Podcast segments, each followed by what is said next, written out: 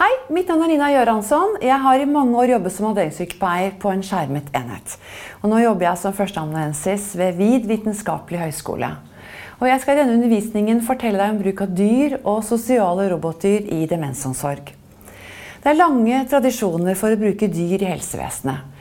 Kontakt med dyr har lenge vært kjent for å appellere til våre følelser, omsorg og vår kjærlighet for kjæledyr. Selv Florence Nightingale trakk frem dette i sitt klassiske utsagn hentet fra hennes lærebok fra 1860, der hun skrev at et kjæledyr kan være et utmerket selskap for den langtidssyke pasienten. Men hva vet vi om bruk av dyr i helsevesenet? Internasjonalt har det blitt gjennomført mange studier med både kjæledyr og husdyr. I Norge har det blitt gjennomført flere studier på ulike grupper av brukere, bl.a. personer med psykiske lidelser og eldre på sykehjem. Gjennom det nasjonale programmet Inn på tunet finnes rapporter om erfaringer med bruk av gårdsaktiviteter og dyreaktiviteter for ulike brukergrupper. Denne undervisningen vil gi deg en oversikt over bruk av dyr og sosiale robotdyr som helsefremming for eldre mennesker, særlig med demens. Og jeg vil kort si hva litteraturen beskriver om dette. I den forbindelse vil jeg presentere et stort forskningsprosjekt som jeg deltok i. Enten du velger å bruke et dyr, ofte en hund på norske institusjoner, eller et sosialt robotdyr, er det alltid viktig å ha en overordnet hensikt med tiltaket. Det handler om å skape gode stunder for den demensrammede, og da må vi velge aktiviteter som oppleves som meningsfulle. Men hva innebærer det? Det er snart 30 år siden betydningen av å delta i hyggelige eller fornøyelige aktiviteter ble introdusert som en hensiktsmessig tilnærming i miljøbehandling for personer med demens. Betydningen av å se mening i en aktivitet kan utvikle velvære hos denne pasientgruppa. For noen er det besøk av en hund som utvikler velvære fordi de oppleves som meningsfullt når man er glad i hunder. Det finnes klare sammenhenger mellom det å gjøre noe meningsfullt og utvikling av velvære hos personer med demens. Det handler om å ha fokus på å utvikle engasjement. Men hva er å være engasjert? Jo, det beskrives som å være opptatt med eller være involvert med en ekstern stimulus. F.eks. et dyr eller et robotdyr. Det er vesentlig at stimulusen har en interesse eller vil skape en interesse hos personen. For det er vel ingen som blir engasjert i noe man ikke er interessert i, er det vel? Samspillet mellom stimulusen og personen vil utvikle engasjement. Og dette engasjementet vil påvirke personens følelser, som igjen vil påvirke atferden. Og denne atferden den kan vi observere. Vi kan f.eks. se om personen blir mindre sint eller mindre passiv. For noen er samspill med et dyr, som en hund, noe som skaper engasjement. Enten fordi man er glad i dyr, eller kanskje man tidligere har hatt en hund. Da kan dyreassisterte intervensjoner være aktuelt. Dyreassistert intervensjon, forkortes til DAI, har som målsetting å fremme helse. Slike tiltak kan være i tillegg til annen form for behandling og tiltak, og de er tidsavgrensede, f.eks. over noen måneder. Dyrene er kyndig vurdert som særlig egnet for formålet. De er trent opp til tiltakene og utgjør en ekvipasje sammen med en opplært dyrefører. Dyreassisterte intervensjoner deles gjerne inn i to former. Dyreassistert aktivitet, som vi gjerne kaller meet and greet, innebærer besøksdyr sammen med en hundefører. Her bidrar dyret som miljøskaper. Aktivitet er dyrekontakt og hyggelige aktiviteter som å klappe og børste hunden, mate, kaste dyreleker osv. I dyreassistert terapi er aktiviteten rettet mot et behandlingsmål, f.eks. å trene gangfunksjon. Og her er det systematisk bruk av dyret som integrert del av behandlingsopplegget. Hva slags kunnskap finnes om dyreassistert intervensjon for eldre? I over 30 år har det blitt gjennomført slike studier. Men de kjennetegnes av store ulikheter i intervensjonsgjennomføringen samt av metodiske svakheter, noe som gjør at disse studiene er vanskelig å sammenligne. Mange intervensjonsstudier er blitt gjennomført på eldre, også personer med demens, og på sykehjem. De vanligste dyret i slike studier er hund. En fersk metastudie med ti randomiserte, kontrollerte intervensjonsstudier undersøkte overordnet effekt av hundeaktivitet. Denne metastudien fant at dyreassisterte aktiviteter har en effekt på depressive symptomer hos eldre. Både de som bor på institusjon og for hjemmeboende eldre. En like fersk studie undersøkte effekter fra flere oversiktsstudier og fant klar effekt på redusert forekomst av atferdsmessige symptomer, det vi gjerne kaller APSD. Effektene gjelder særlig på agitert atferd og depressive symptomer, som det dessverre er høy forekomst av på norske sykehjem. Slike oversiktsstudier sammenfatter flere enkeltstudier. Og En oversiktsstudie på dyreassisterte aktiviteter beskriver også funn som mindre agitasjon. I tillegg beskrives bedre kvalitet på sosial samhandling og mindre humørsvingninger. Et par oversiktsstudier har undersøkt dyreassistert terapi. og I den ene oversiktsstudien med hundeassistert terapi beskrives funn som bedring i sosiale atferder, og også bedring i negative atferder som apati og agitasjon. En litt større oversiktsstudie bekrefter disse funnene. Flere sykehjem har de senere år anskaffet dyr som bor på institusjonen. Og det kan være høner, kaniner, katter, fugler, fisker osv. Og stadig flere steder ønsker besøkshund for beboerne. Vi må alltid tenke dyrevelferd når levende dyr brukes overfor syke mennesker. En nyere metode for dyreassisterte intervensjoner er heller å bruke sosiale robotdyr. Robotassisterte intervensjoner bygger på dyreassisterte intervensjoner, og studiet beskriver faktisk mye av de samme funnene. Og her trenger man ikke å tenke dyrevelferd. Jeg vil nå kort presentere noen sosiale robotdyr.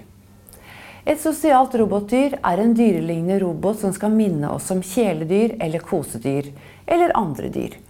De blir utviklet for å erstatte levende dyr til privat bruk og senere er de blitt brukt i intervensjonsstudier. Dyreroboter kan være et alternativ ved allergi, men også hvis det ikke er lov med levende dyr i institusjonen. Noen er også redd dyr, f.eks. hunder, og da kan en robot være et alternativ. Disse robotene er svært avanserte, og de brukes for å skape positive responser gjennom sosial interaksjon. Ved at de minner om f.eks. et kjæledyr, frembringer de minner og søker å stimulere brukeren fysisk, som å bli klappet og lekt med, også mentalt, som å bli pratet til, sunget for osv. Sonis Aibo er en underholdningsrobot, og det er en hund. Studier viser at den har de samme effektene som ekte hunder, slik som generell tilknytning, mindre ensomhet og økt sosial kontakt. Flere kattelignende roboter er også utviklet, eh, og de har pels og maler som en katt. En studie viser redusert agitert atferd, økt glede og interesse. Den mest kjente dyreroboten er selungen Paro, som er den mest brukte sosiale dyreroboten i studier. Jeg skal snart presentere Paro, men først vil jeg kort si litt om hva vi vet om bruk av robotdyr i demensomsorgen. Forskning på sosiale roboter og robotdyr har ikke eksistert i mer enn 10-15 år. Og først i 2013 kom de første randomiserte, kontrollerte studiene. Og disse viser mange av de samme effektene som fra dyreassisterte intervensjonsstudier. Men det er foreløpig ikke publisert noen metastudier på feltet. Den første kommer nå i 2019. I 2018 ble ulike kliniske funn fra studiet sammenfattet i en oversiktsstudie. Og forfatterne kom her frem til fem roller som sosiale roboter har av klinisk relevans for deltakerne. De virker affektivt, altså mot våre følelser, og kan påvirke humør og velvære. De kan brukes i kognitiv trening, f.eks. å trene arbeidshukommelsen de kan være sosiale tilretteleggere som må stimulere til sosial kontakt og kommunikasjon. De kan gi selskap til brukeren, som må påvirke ensomhet og sosial isolasjon. Og de kan påvirke fysiologiske responser i kroppen, som gir beroligende effekter gjennom stressreduksjon. Og nå vil jeg introdusere en av de sosiale robotene, nemlig selroboten Paro. PARO er et akronym for Personal Assistive Robot, som ble utviklet for ca. 25 år siden. Den er en av de få sosiale robotene i kommersielt salg. En PARO koster ca. 50 000. Men hvorfor en selerobot? Det er jo ingen som har en selunge som kjæledyr eller husdyr. Nei, og det var nettopp hensikten til de japanske oppfinnerne da de utviklet Paro. For dette handler om våre forventninger til hvordan en dyrerobot skal oppføre seg. Det er foreløpig ikke mulig å lage et robotdyr som oppfører seg slik vi forventer at kjente kjæledyr skal gjøre. Vi forventer f.eks. For at en katt skal hoppe opp på fanget vårt. Valg av en selunge handler om at de aller fleste har positive oppfatninger av en selunge, og vi lar oss sjarmere av store, mørke øyne og en mørk snute. Og vi forbinder den gjerne med å ligge forsvarsløs og søt på isen og klynke til selmamma. Selungen trigger omsorgsgiveren i oss, og de fleste av oss vil ta kontakt på samme måte som vi gjør når vi møter f.eks. en hund. Og nå skal jeg vise dere Paro. Paro har mange sensorer i pelsen, og disse aktiveres når jeg klapper og koser med Paro. Og den har mikrofoner som fanger stemmen min når jeg prater, og den har høyttalere som gir respons, sånn som disse lydene dere hører nå. Den har bevegelige ledd i nakken, i loffene og bak på halen. Og Paro vil interagere gjennom disse mekanismene med meg som bruker når jeg eh, har kontakt med Paro. Ja, hei, Selma. De fleste paroer i Norge er på institusjoner der eh, de brukes i én DN-aktivitet eller i gruppe. I gruppeaktivitet sendes gjerne paro fra fang til fang, og ulike følelser fremkalles.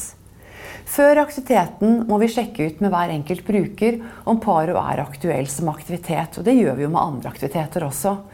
For noen syns paro bare er dum, andre vil ikke drive med leketøy, mens andre blir svært engasjert. Paro brukes interaktivt, dvs. Si at den gir en sosial respons til brukeren. Den kan fungere som et medium. Den kan stimulere altså personen med demens til å prate. Eh, og den kan gi personer med demens en mulighet til å kunne gi omsorg. De som anskaffer en Paro, må gjennomføre et sertifiseringskurs, og Paro skal alltid brukes sammen med opplært personale. Men er det det samme om man bruker Paro eller en hund? Nei, og jeg vil understreke at de er ganske ulike. Hunden er levende, og den beveger seg raskt. Personer med langtkommende demens har både tregere fortolkningsevne og lang latenstid, og kan derfor streve med å følge hundens raske bevegelser. Paro derimot er rolig, og bevegelsene kan følges og dermed forstås av en med alvorlig demens. Og den lar seg kose med i det uendelige, i hvert fall før den må lades på nytt. Og hva vet vi om paros helsefremmende effekter? Hensikten med sosiale roboter deles gjerne inn i sosiale, psykologiske og fysiologiske hensikter. Sosialt beskrives paro til å stimulere til samtaler. Paro som medium for å stimulere kommunikasjon er viktig kunnskap å ha med oss i demensomsorgen. Psykologisk beskrives paro til å få brukeren til å oppleve mestring og glede, og engasjement utvikles. Og rent fysiologisk kan kos og klapping av pels gi sensorisk stimulering og fysiologiske responser som oppstår i kroppen som stressreduserende mekanismer. Hva fant vi i vår studie? Jeg vil nå kort presentere den norske parastudien som vi gjennomførte i 2013 og 2014. Ti skjermede enheter fra østlandsområdet ble rekruttert, og fem av disse ble trukket til intervensjon med paro, og fem til å være kontrollsted.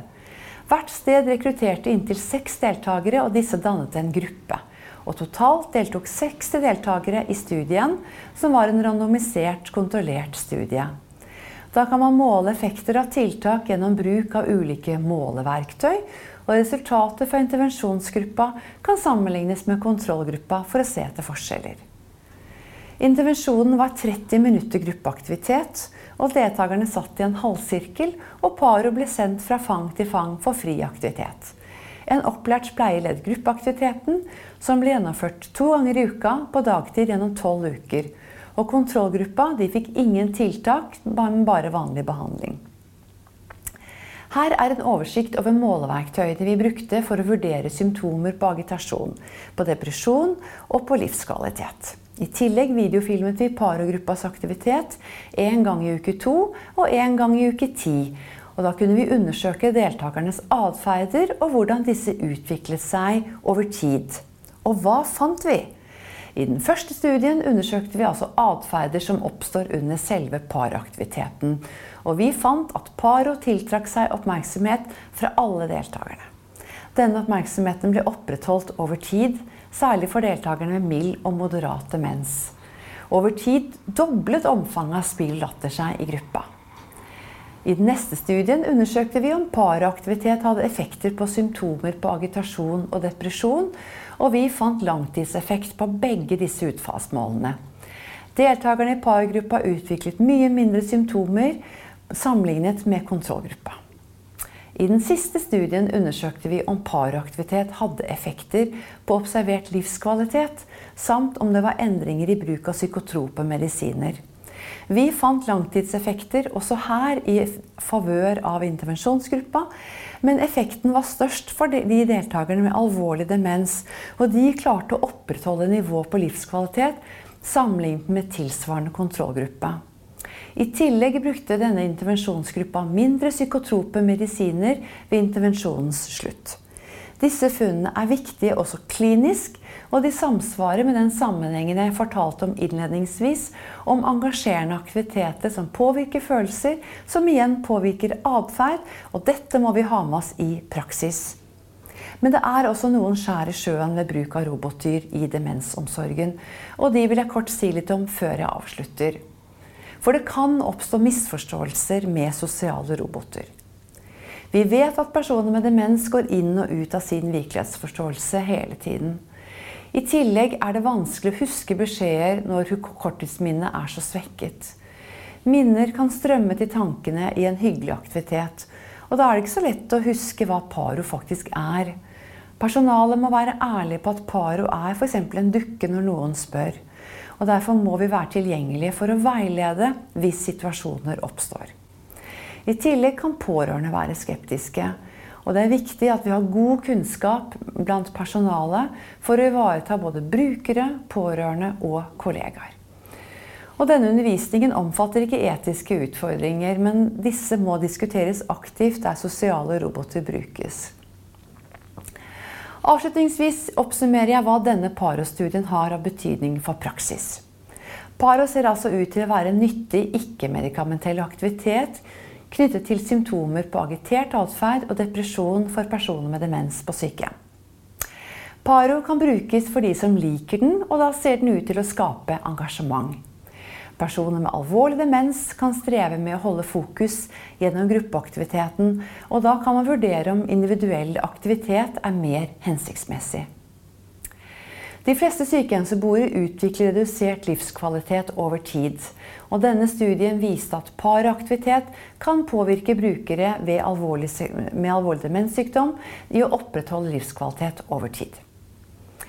Jeg håper denne undervisningen har vært nyttig for deg, og at du er blitt inspirert til å bruke enten dyr eller robotdyr som miljøtiltak for personer med demens i jobben din. Lykke til!